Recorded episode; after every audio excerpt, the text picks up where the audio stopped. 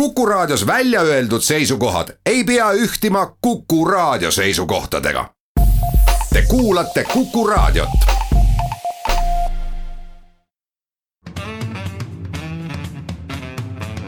muuli ja Riikoja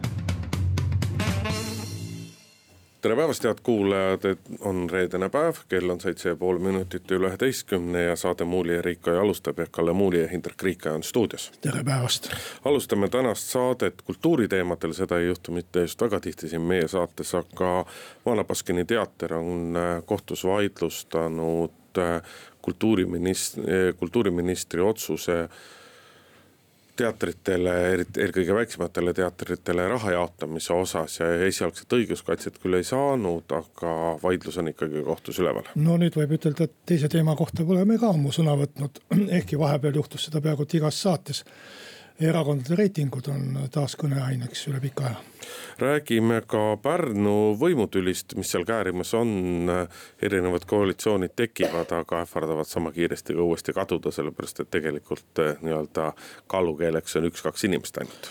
Tallinna linnavolikogus on algatatud umbusaldus eh, hääletus ja avaldus siis eh, abilinnapea Bettina Beskini vastu, sellepärast et miljon eurot on üle ja seda ei ole välja makstud aasta jooksul äh, nendele lastele, kes siis on vanemliku hoolduseta räägime tänases saates ka uudisest, et Eesti Energia ostis pisut enam kui viiekümne miljoni eest Tootsi tuulepargi maa-ala, mille, mille saatuses üle on vaieldud, arutatud juba vaat et pea kümmekond aastat. ja lõpetuseks veel veidi reitinguid, sedapuhku siis institutsioonide usaldusväärsusest. BNS on edastanud vastava uudise.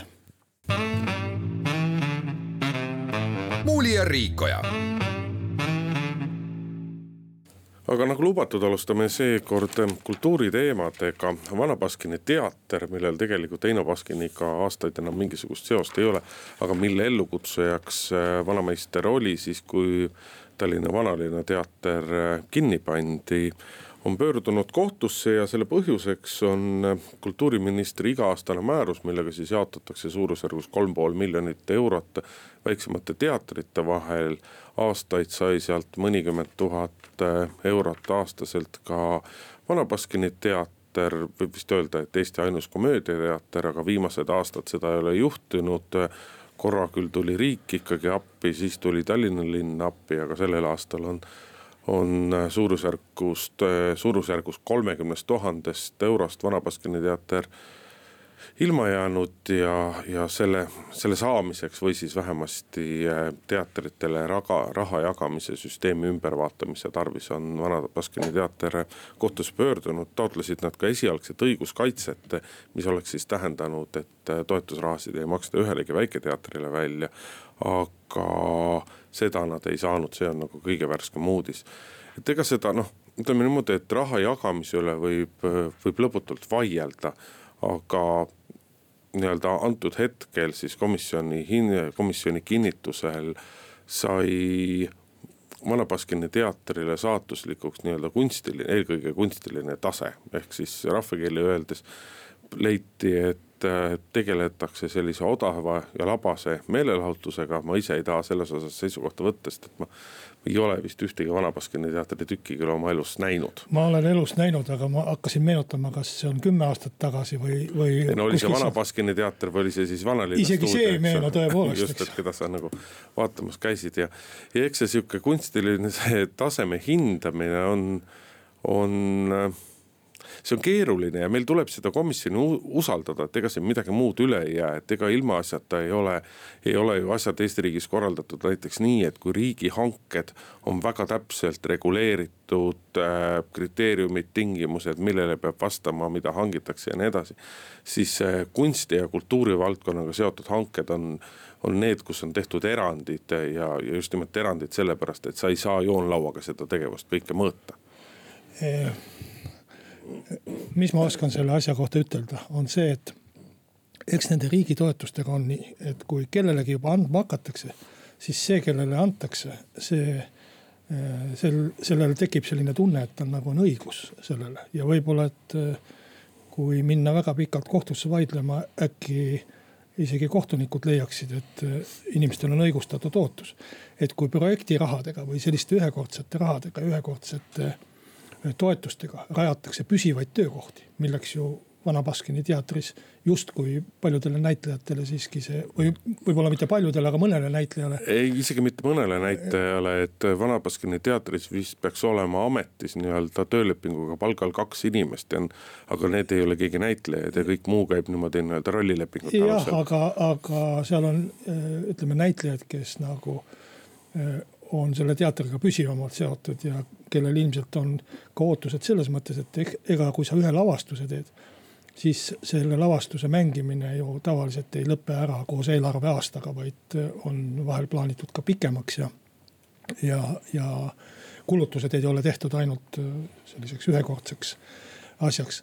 et samas ma leian, et ei peaks laskma äh, sellisel tundel kunagi tekkida, et kui sa taotledki ühekordselt raha, siis sul peabki olema selline tunne, et seekord anti, aga võib-olla järgmine kord ei antud Äh, kultuuri rahastamisest üldse, ma ei ole ausalt öeldes äh, ei, suuda aru saada sellest teatri rahastamise põhimõttest. no kuule, ise sa oled olnud äh, kultuurikomisjoni liige parlamendis. tahtsin just ütelda, et kunagi ma olen sellesse süvenenud, aga öö, see, seal ei ole nagu sellist öö, objektiivset kriteeriumit, mille alusel sa võid ütelda, et see peab nüüd kindlasti saama, see peab, seal on pehmed mõõdikud Äh, nii-öelda ja väga palju on sellist subjektiivset otsust. no taevale tänu, et esimest korda jäeti see äh, Vana Baskini teater äh, ilma rahata sotsiaaldemokraadist kultuuriministri ajal, muidu oleks seda kisa praegust tõesti taevani ja.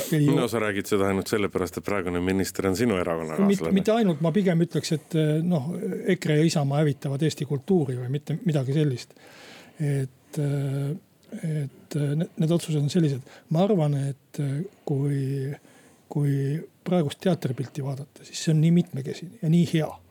Et me ei peaks põdema selle pärast, kas mõni trupikene saab veel või ei saa äh, sealt tagumisest otsast on ju ka väga palju teisi teatreid ja truppe, kes töötavad ilma riigi toetuseta või aeg-ajalt jäävad ilma riigi rahata. või tunduvad väiksema riigi toetusega kui see suurusjärk kolmkümmend tuhat, mida Vana Baskin küsis. ja nii, et ma ei näe selles mingit traagikat peale selle, et äh, see trupp on väga kaua aega tegutsenud. Äh, nad on harjunud seda raha saama, nad äh, kasutavad Baskini nime ja veel mingit sellist argumenti, et noh, vana Baskinile, ma ei tea, lubati, et viis aastat peale tema surma veel töötab äh, teater või mis iganes. ma arvan, et sellised kriteeriumid ei saa olla riigi raha jagamise aluseks. no mida on oluline siin silmas pidada, eks tõsi on see, et noh, et kultuuri, mida Eestis tarbitakse, on väga erinevat ja on nii kõrgema kunstilise kvaliteediga kui madalama kunstilise tasemega. et, et kindlasti sellistel raha jagamistel peaks peaks ühest küljest jälgima nii-öelda seda kunstilist kvaliteeti, aga samavõrra peaks jälgima ka nii-öelda rahva huvi selle, selle nii-öelda ütleme siis niimoodi toodangu vastu, mida need teatrid antud juhul nagu pakuvad. ja teine asi kindlasti, mida peaks jälgima, on see, et, et kas toetust saav, toetust saav teater nii-öelda, et nagu kui erilist äh, kui omapärast ja kui erilist programmi ta pakub, et kas selliseid asju on võimalik ka kuskilt mujalt teistest teatritest saada ja ega kui neid kriteeriumeid vaadata, siis liiga palju muidugi Vana Baskini teatri kasuks ei lähegi. aga teeme siin väikese pausi ja oleme paari minuti pärast eetris tagasi. muuli ja Riikoja jätkame saadet, äh, räägime üle pika aja äh, erakondade reitingutest, ei teagi, miks nii pikk paus on olnud, aga nii palju, kui ma olen tähele pannud, siis ega ka. ega ka teistes jutusaadetes eriti ei ole seda kõneks võetud, vahepeal oli komme igat äh, protsendi muutust no vot, aeg on selline, et siis äh, olid valimised kohe peagi tulemas, praegu on ikkagi üle pooleteist aasta on järgmiste valimisteni aega. nojah, riigikogu valimisteni isegi rohkem, aga ma loen kiiresti numbrid ette, Reformierakond kakskümmend viis protsenti, Keskerakond kakskümmend neli protsenti, EKRE kuusteist. sotsiaaldemokraadid kümme, Eesti kakssada üheksa, Isamaa viis ja sealt äh, allapoole ma ei viitsinud meelde jätta.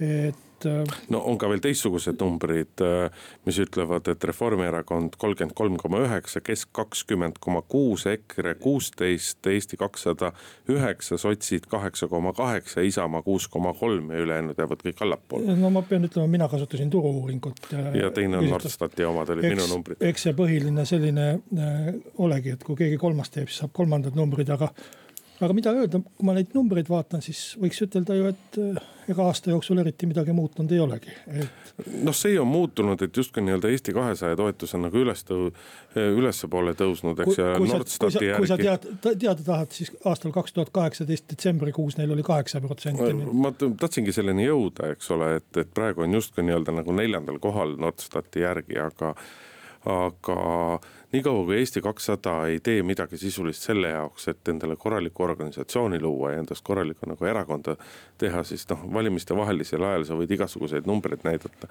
aga kui valimised kätte jõuavad, siis on, siis on, siis on tulemus see, et jäädakse ikka joone alla.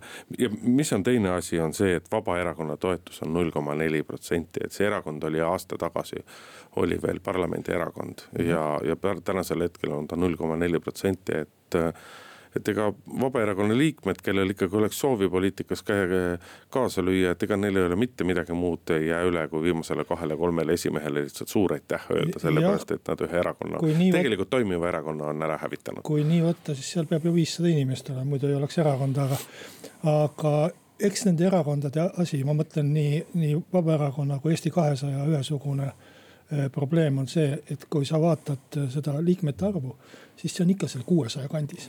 millest äh, võib vabalt järeldada, et nad tegelikult ei ole teinud tööd selleks, et oma piirkonna organisatsioone välja arvutada.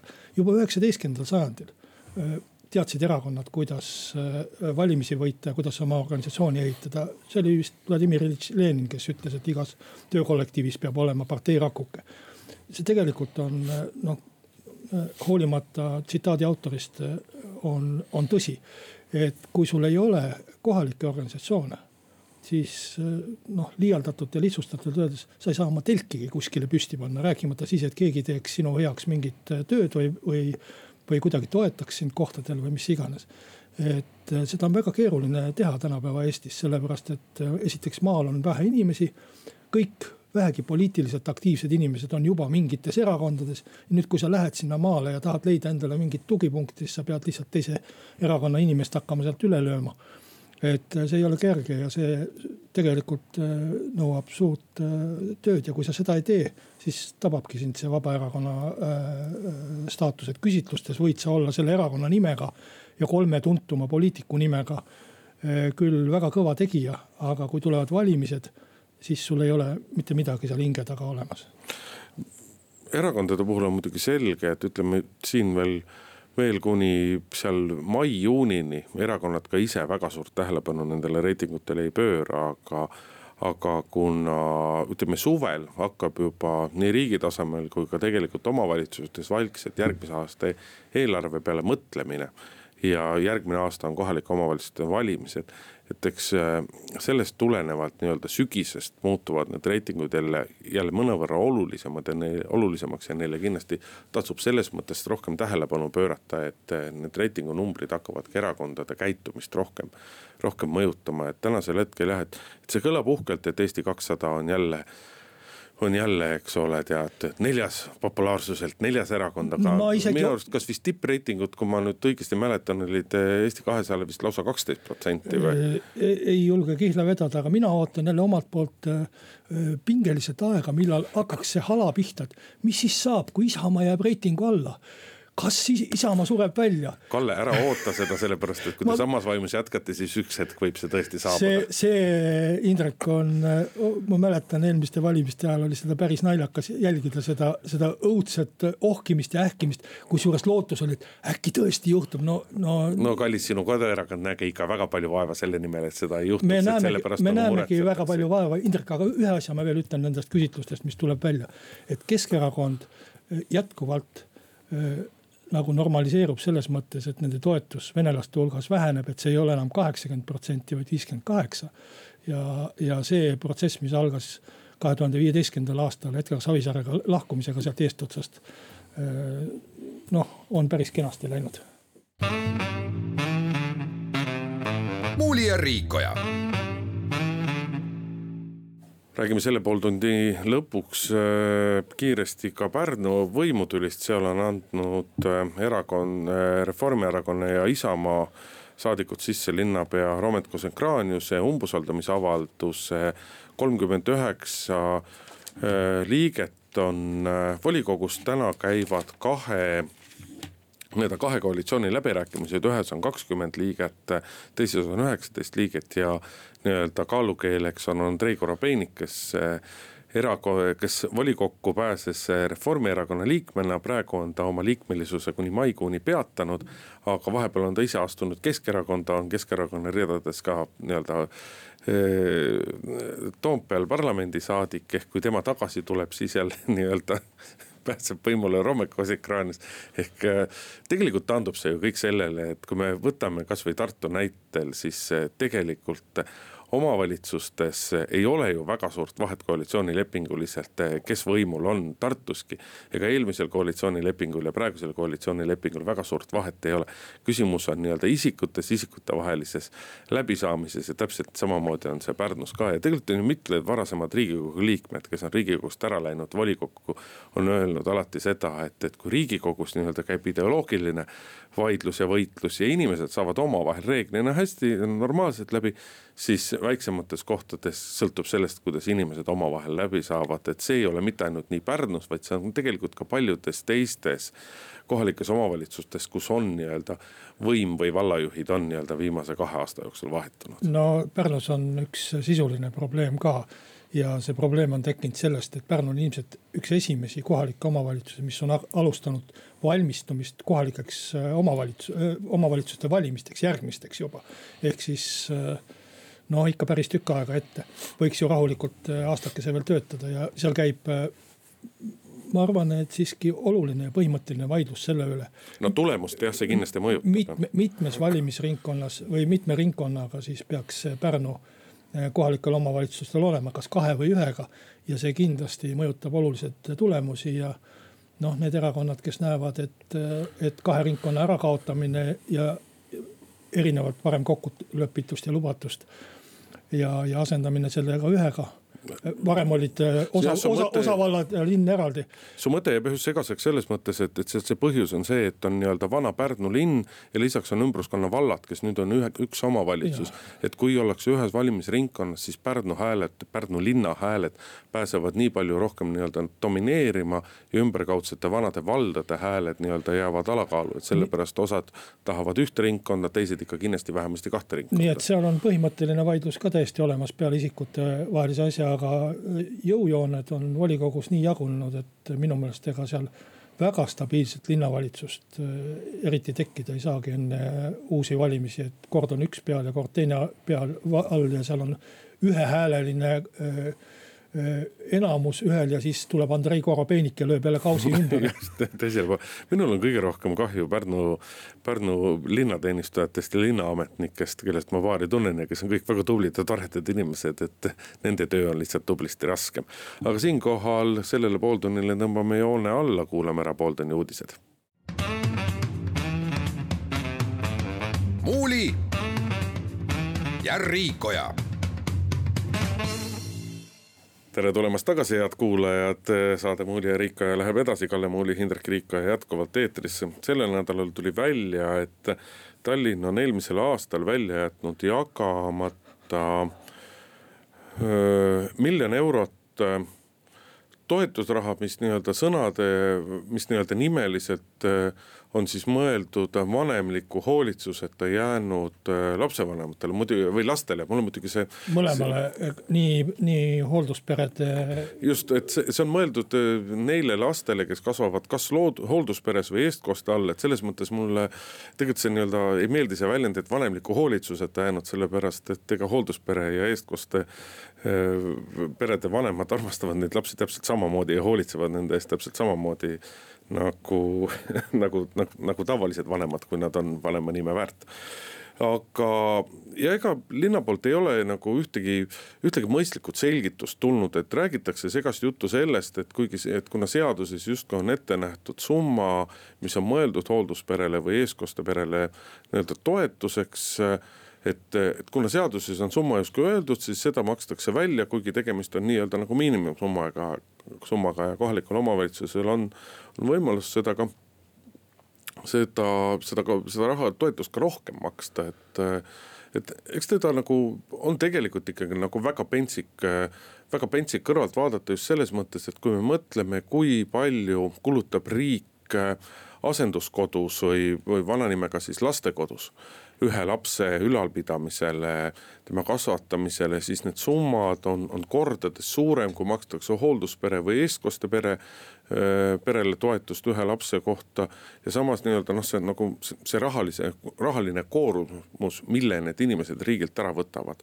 on niivõrd suur, et siis, et siis tundub jabur, kui hakatakse nii-öelda kogu Tallinna peale miljoni euro pärast põdema ja seda nagu välja ei maksta, et. et mida te siis äh, hääd seadusandjad õigupoolest tahate, et kus te tahate, et teie lapsed kasvaksid? noh äh minu koduerakond on nende erakondade seas, kes on alustanud siis sellesama probleemi pärast umbusaldus äh, hääletust või, või, või avaldust äh, sotsiaalvaldkonna abilinnapea vastu Bettina Beskina. Äh, aga noh, kui, kui ma tahaksin, ma leiaksin kindlasti sõnu ja argumente, millega ütelda, et kohutav, ennekuulmatu, lubamatu. aga aga tegelikult probleemile või sellele asjale otsa vaadates mina väga suurt probleemi ei näe. kui eelarvet äh, tehakse ja planeeritakse sinna mingi summa ja eelarveaasta lõpus jääb see raha üle, no siis ta kaotsi kuhugi ei lähe, see kasutatakse järgmisel aastal ära. ja, ja sellist asja, et laste arv kuskil planeeritakse valesti ja selle tõttu jääb mingi osa summast üle või ei ole kehtestatud korda, kuidas see üle, ülejääv summa ära jagada mis põhimõtete järgi, kellele, kui palju. et see ei ole ju traagika seaduses. no vot, vabanda, vabanda Kalle, ma segan vahele, aga sa lähed seda tüüpilist poliitiku teed, et sa, me, me räägime nagu lastest ja, ja sina taandad need lapsed arvudeks ja, ja, ja mingiteks eelarvenumbriteks. aga tegemist on tegelikult on nii-öelda lihast ja luust elusate lastega, kelle, kelle nimel pingutavad väga paljud inimesed, et selles mõttes see, see võrdlus see võrdlus ei ole selles mõttes kohane, ma saan aru, et te, te planeerite, midagi läheb vussi ja nii edasi. aga tegelikult on küsimus nagu tahtmises ja tegelikult on küsimus selles mõttes eh, süvenemises ja küsimus ei ole ainult mitte Tallinnas tegelikult praktikas, vaid kõiges kohalik, kõigis kohalikes omavalitsustes, kas nad vaatavad ja kas nad mõtlevad sellele, mis on seal numbrite taga ja kas nad mõtlevad sellele, et kui meil on midagi võimalik teha, kas me siis reageerime operatiivselt ja, ja teeme midagi juurde. et, et see vahe ongi see, et kas me mõtleme lastest või me mõtlete, num, mõtleme numbritest ja see on kõige suurem viga. kui ma saan nüüd oma jutu ära lõpetada, siis esiteks meie ei planeerinud midagi, et see oli Tallinna, Tallinna linnavalitsus, kuhu Isamaa ei kuulu. ja, aga poliitikuna hakkad sina ikkagi rääkima numbritest. ei, ma, ma räägin sellest, et see, mis seadusega ette nähtud on, see on välja makstud. sellest jäi raha üle ja eelmisest eelarve, eelarveaastast, mis äsja lõppes. nüüd tulebki otsustada, kuidas see ülejäänud raha ära jagada. just nendele samadele lastele, et see ma ei näe selles probleemi, see raha ei lähe kuskile mingiks muud, muuks otstarbeks, ei ehitada selle eest teid. ei maksta selle eest linnaametnikele preemiaid, see raha läheb lastele ja see raha on alles ja olemas. Ja seadusega ette nähtud raha on ka eelmisel aastal välja makstud.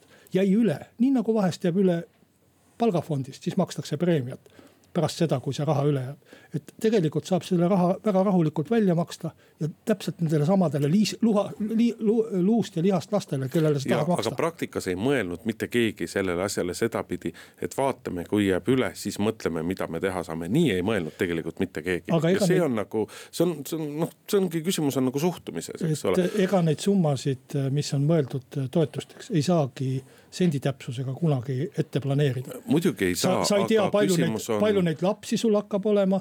Eh, ja sa ei tea võib-olla, et eh, milliseid ettenägematuid kulusid sul tekib eh, seoses nende hooldusperede ja, ja vanemlike.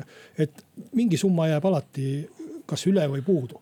ja, ja selles mõttes seda peabki järgmisel aastal vaatama, et mis sellega teha. mingi summa kindlasti, aga küsimus on just nimelt selles, et palju me mõtleme, kuidas me nagu planeerime ja kuidas me reageerime. ega suur osa nendest hooldusperedest ja eestkosteperedest, et ega nemad ei jää nagu selle võrra väga palju vaesemaks või ei saa rikkamaks sellest, kui nad saavad seda raha natuke sada, sada eurot rohkem või vähem, eks ole aga küsimus on nagu, küsimus on põhimõttes, küsimus on nagu suhtumises, aga see on muidugi laiem probleem, mis käib, mis keerleb kõigi, mitte ainult hooldus- ja eestkoste laste ümber, see on see, mis pöörleb ka, ka puudega laste ümber ja nii edasi. et kui palju nii-öelda, kui paindlik on riik ja kui operatiivne on riik reageerima siis, kui tõepoolest on mingisugune häda. noh, siin on küll kohaliku omavalitsuse reageerimise vajadus. aga äh, ma olen üsna kindel, et äh, nad saavad kõik selle miljon või sealt päris miljonit ei olnud, üheksasada tuhat millegagi äh, raha kätte. ja see ainus probleem on see, et nad võib-olla saavad selle kolm kuud hiljem äh,, kuna tekkis ülejääk, mida ei olnud eelarvega ära planeeritud aga parem hilja kui mitte kunagi, ütleks ma selle peale. muuli ja Riikoja. jätkame saadet, räägime ühest vanast võib-olla, et juba. vanast soisest maalapist, millega nad seal Vargamäel nõnda hädas olid. ja vanast, vanast loost ka vähemalt ikka aastaid ja aastaid vanast Tootsi tuulepargist, mida omal ajal riik tahtis anda Eesti Energiale eh, lihtsalt niisama, mitte rahalise sissemaksena. Et rajada siis sinna tuuleelektrijaam tuulikutega. nüüd pärast erafirmade proteste ja kaebusi ja riigikohtu otsuseid, siis korraldati lõppeval nädalal oksjon. ja selline oksjon, mida ma ei mäleta, et oleks ammu tehtud vähemalt nii suurte asjade müümise puhul äh, suuline enampakkumine. Äh, kus siis äh, läks väga tuliseks ja, ja kaheteist koma millegi miljoniline allhind kerkis üle nelja korra. Ja lõpuks ikka seesama Eesti Energia ostis selle Tootsi tuulepargi või maa ära viie koma ühe koma viie miljoni euro eest pakkujaid oli üldse vist neli, kaks, kaks Leedu ettevõtet, üks Leedu Energia ja siis teine Leedu Investeerimisfond ja Eestist siis äh, Utilitas Kristjan Rahu äh, isikus. noh, ma ei oskagi äh, nagu sellist inimlikku kokkuvõtet sellest loost teha selles mõttes, et riik ostis justkui äh, iseenda käest äh, kalli raha eest ühe asja ära, et raha käib ringi ühest taskust teise ja, ja, ja päris täpselt ei saa selle tehingu sellisest äh, mõistuspärasest või sisulisest poolest üldse aru, et mis, mis vahet nüüd sellest tekkis. ma saan aru, et edaspidi muidugi seal Tooli, Tootsi tuule, tuulepargil tekib äh, tootluse ja, ja, ja muud probleemid, et tuleb seda raha maksma hakata, aga aga riigi seisukohast vaadates nagu läks kõik hästi. no selles mõttes läks hästi, et ega siis ei oleks ju parem lahendus olnud see, kui sa noh, jah, see võrdlus on õige, et tegemist on riigiettevõttega, et riik tõstis raha ühest taskust teise. müüjaks oli riigi äh, äh RMK ühesõnaga, Riigi Metsamajanduskeskus. jah, et, äh, et noh, oleks ju palju sandim olnud, kui oleks lihtsalt kuskil, ma ei tea, keskkonna või majandusministeeriumi kabinetivaikuses ära otsustatud, et et, et anname siis üle ja noh, nagu näitas siis tegelikult enampakkumine oli tõepoolest enampakkumine, et nii-öelda käis võistlus erinevate osaliste vahel ja. lõpuks kõige kõrgema hinnapakkuja sai selle sai selle endale, et selles mõttes noh, nagu keeruline on protsessile midagi ette heita, et siin on küsitud nagu peamiselt on küsitud seda, et kust küll võtab Eesti Energia selle raha ja kuidas see raha nii-öelda nagu tagasi teenitakse ja, ja mille peale loodetakse, loodetakse selle peale, et et eh, riik eh, kuidagi muudab taastuvenergia tootmisele ette nähtud nii-öelda toetusi, ehk kas sealt on võimalik midagi saada või mitte. aga eks see praktika on muidugi selles, et, et Eesti Energia on lihtsalt niivõrd suur ettevõtja, eh, ettevõte võrreldes näituseks Utilitasega. et tal ongi lihtsam nii palju raha maksta selle asja eest, tal on lihtsam seda raha leida. noh, eks ta ole ikkagi äriettevõte ja see peab ära tasuma ennast nii või teisiti ja küsimus on ikkagi selles, et kas äh, see Tootsi tuulepark hakkab saama taastuvenergia toetust, kus seal tähtaegadega ja muude asjadega probleemid olid.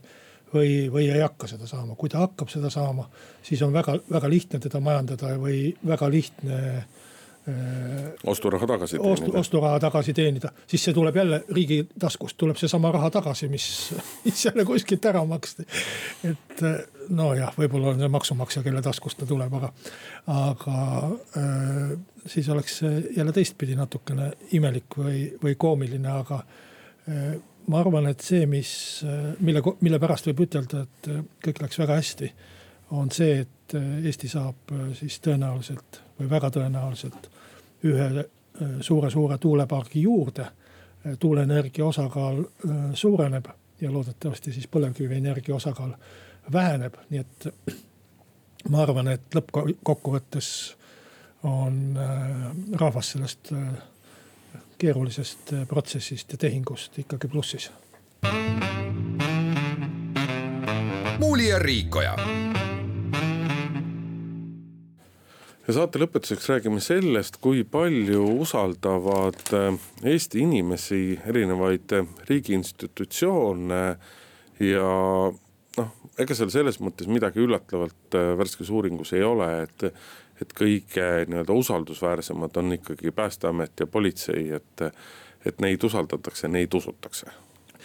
minu jaoks oli seal üllatavat küll ja üllatav oli ma ei ole neid numbreid ammu jälginud ja ma arvan, et minu, minu mälestused institutsioonide usaldusväärsuse uuringust on, pärinevad eelmisest kümnendist ja, ja selles mõttes ma arvan, et kui ma vaatan peaministri ja valitsuse toetust, mis on siis vastavalt viiskümmend kaheksa, viiskümmend kolm protsenti ehk üle poole. siis minu meelest on see päris suur toetus ja, ja rohkem, kui ma oleks peast pakkunud ja, ja arvestanud, sest noh, tuleb ikkagi mõelda, et kui presidendi toetus on kuuskümmend kuus protsenti. ja president on, ei kuulu erakonda ja annab, peaks olema apoliitiline. ja, ja peaminister, kes on erakonna, üheainsa erakonna esimees, omab ligilähedast toetust, siis see on päris imelik tulemus minu meelest. et arvata võib ju, et kuna peaminister esindab ainult ühte erakonda või kuulub ühte erakonda, et siis tal peaks olema ju see, see ütleme vastasleer palju suurem kui, kui presidendil, aga noh, sisuliselt kui vaadata, siis nad on peaaegu et võrdse toetusega. no muidugi peaaegu, et võrdse on nagu selles mõttes keeruline öelda. viiskümmend kaheksa ja kuuskümmend kuus, kui sa võtad sinna juurde veel veaprotsendi ka, see vahe on väga väike. Aga mis. eks see võti on kindlasti see, et, et seal küsitakse just nimelt rõhu, rõhuga sõna institutsioonide usaldusväärsust ehk ka küsitluses on kirjas peaminister, mitte peaminister Jüri Ratas, on president, mitte president Kersti Kaljulaid. seda küll, aga ma kujutan ette, et enamikel inimestel ikka kerkib nagu konkreetne isik ka silme ette. aga iseenesest on ju küsimus see, et mida see usaldus üldse tähendab, mis, mida me küsime. mina ei oskaks küll sellele küsitlusele väga täpselt vastata, et kui ma pea, peaksin näiteks vastama, et ma ei usalda päästeametit, et mida see siis tähendab, et kas see tähendab seda, et kui mul on häda käes, siis ma ei vali üks, üks, kaks, sest mulle tundub no, see väga ebausaldusväärne. vast see on liialdus, pigem see pigem näitabki seda, et, et kui kindlad on, on, kui me räägime päästeametist ja politseist, kelle ühel toetus siis oli päästeametil oli üheksakümmend kuus protsenti. politsei ja piirivalveamet oli kaheksakümmend üheksa protsenti, kaitsevägi kaheksakümmend ja Kaitseliit seitsekümmend kuus protsenti. noh, kõik on ülikool, ülikõrged numbrid, et see näitab ikkagi seda, et noh, et, et inimene tajub seda küsimust pigem selline, et kas ta usub, et ta saab sellest kohast abi, kas ta usub, et ta saab sellest institutsioonist abi ja selles mõttes päästeameti päästeameti nagu suur number, mulle meeldib äh, või noh, jah, võib öelda, mulle meeldib see suur number eelkõige sellepärast, et, et päästeamet on üks väheseid riigivaldkondi, kes on ka nii-öelda kõige raskematel aegadel pannud nii-öelda selle ennetustöö äh, endale sisuliselt nagu vaata et kõige prioriteetsemaks küsimuseks, et, et päästeamet on äh, on, kus põhja, kus põhjendatud, kus põhjendamatult on nii-öelda tegelikult väga palju kokku tõmmanud komandodes, on vähendanud päästjate arvu, päästjate palgad on nagu nad on. aga kõige selle kõrval on nad nii-öelda järjekindlalt tegelenud, tegelenud ennetustööga ja kui me vaatame, noh, vaatame uppunute arvu, vaatame tulest surnute arvu. siis tegelikult numbrid on viimase paari aastakümnega ikkagi drastiliselt paranenud noh, eks, eks seal ole, eks seal ole ka muid põhjuseid. ei, muidugi loomulikult on seal muid põhjuseid ka, aga, aga ikkagi see ennetustegevus, mida päästeamet on teinud, on lihtsalt väga nagu väga suur, väga märgiline ja väga hästi töötanud on mainimata veel NATO ja Euroopa Liidu toetusnumbrid, see on siis Euroopa Liidul seitsekümmend üks ja NATO-l kuuskümmend kuus, no. mäletatavasti oli Euroopa Liidu ka ühinemise referendumil oli, oli toetus kuuskümmend kuus protsenti Euroopa Liidule, et nüüd, kui seitsekümmend üks, siis noh. rääkigu EKRE, mis ta tahab, aga vot. aga tervikuna, kui neid numbreid vaadata, siis võiks ju ütelda, et Eesti riigil läheb väga hästi, et kõikide riigi institutsioonide toetus on üle poole alates siis päästeametist, mis oli seal kõige kõrgem ja lõpetades siis poliitiliste institutsioonidega, mis on, mis on madalamad. aga siiski nende toetusnumbrid on üle poole, ehk siis eh, enamus rahvast vastab küsitlusele, et nad usaldavad tegelikult Eesti riiki. mind üllatab selle juures see, et et justkui nii-öelda nagu opositsioonierakonnad ei ole seda uuringut väga tähele pannud ja sellised, võib-olla sotsiaalmeedias, ma ei ole piisavalt sage sotsiaalmeedia jälgija, et võib-olla seal on seda nagu rohkem olnud. aga et, et, et sotsiaalmeedias ei ole hakatud nii-öelda nagu kurtma selle üle, et vaata, kui halb valitsus meil on ikka, et kui vähe inimesed seda nagu usaldavad, kuigi kui me vaatame nii-öelda nagu neid poliitreitinguid, siis tihtipeale sealt tuleb justkui nii-öelda koalitsioonierakondade toetus tuleb eh, kohati alla viiekümne protsendi kokku. tuleb sedagi, et, et selles mõttes, eh, et noh, sellele võiks teoreetiliselt nii läheneda, aga noh, sellele on mõttetu, mõttetu nii lähendada. et seda ei saa siduda otseselt päevapoliitikaga, mida on oluline silmas pidada. no ma arvan, et eh, kui oleks numbrid allapoole poolt, siis kindlasti seda seotaks päevapoliitikaga, et see ei ole, see on ainult tehnika küsimus, kuidas seda serveerida. aga ma arvan, et see, miks ei ole nagu äh, hakatud rääkima, et midagi on halvasti, ongi see, et tegelikult need numbrid näitavad, et kõik on väga hästi. et see institutsioonide toetus, see, mis nagu tegelikult äh, noh, riigist äh, rahvale paistab või, või mille kaudu riik toimib, on üllatavalt kõrge. ma, ma arvan, et numbrid kõik, mis on üle viiekümne on väga hästi ükskõik äh, millise institutsiooni puhul, eriti poliitiliste institutsioonide puhul, kus paratamatult neid seostatakse konkreetse isikuga. konkreetse ühe erakonna või teise erakonna poliitikaga ja, ja poliitikutega. Nii et äh, kui siin valitsus ja peaminister näitavad mingisugust viiekümne kolme või viiekümne kaheksa protsendilist nagu toetust, siis see ongi see toetus, millega tegelikult riiki valitsetaksegi. koalitsioonid moodustataksegi vahemikus viiskümmend kuni kuuskümmend protsenti riigikogu toetust. ma nägin kuskil vähemasti ühte kommentaari, kus küsiti, et kas nüüd nende erinevate institutsioonide juhid mõtlevad ka sellele, et kuidas järgmisel või ülejärgmisel või vähemasti kolme aasta pärast võiksid need numbrid olla veel paremad, et ma küll ei kujuta ette muidugi, kuidas päästeameti nii-öelda toetus või usaldusväärsus üheksakümne kuuest protsendist veel saaks kõrgemale tõusta. no neli protsenti saab. jah, neli protsenti on ikkagi võimalus kuigi nii, kuigi nii palju ei toetatud isegi Nõukogude Liidu ajal kuidas see oli rahvasaadikute ülemnõukogu või? üheksakümmend üheksa koma kaheksa oli valimiste protsent, nii et toetati küll, et. nojah, aga siiski mitte nii kõrgelt, kui sa ütled neli protsenti juurde, siis. et, et, ega ei pea selle nimel nii-öelda nagu väga palju vaeva nägema, et pigem peab pigem peavad nende institutsioonide juhid seisma hea selle eest, et, et rahval oleks nii-öelda järjepidev arusaamine.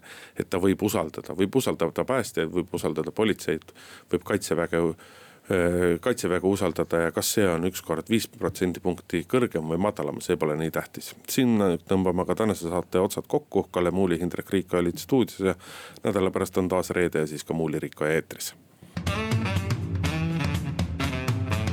muuli ja Riikoja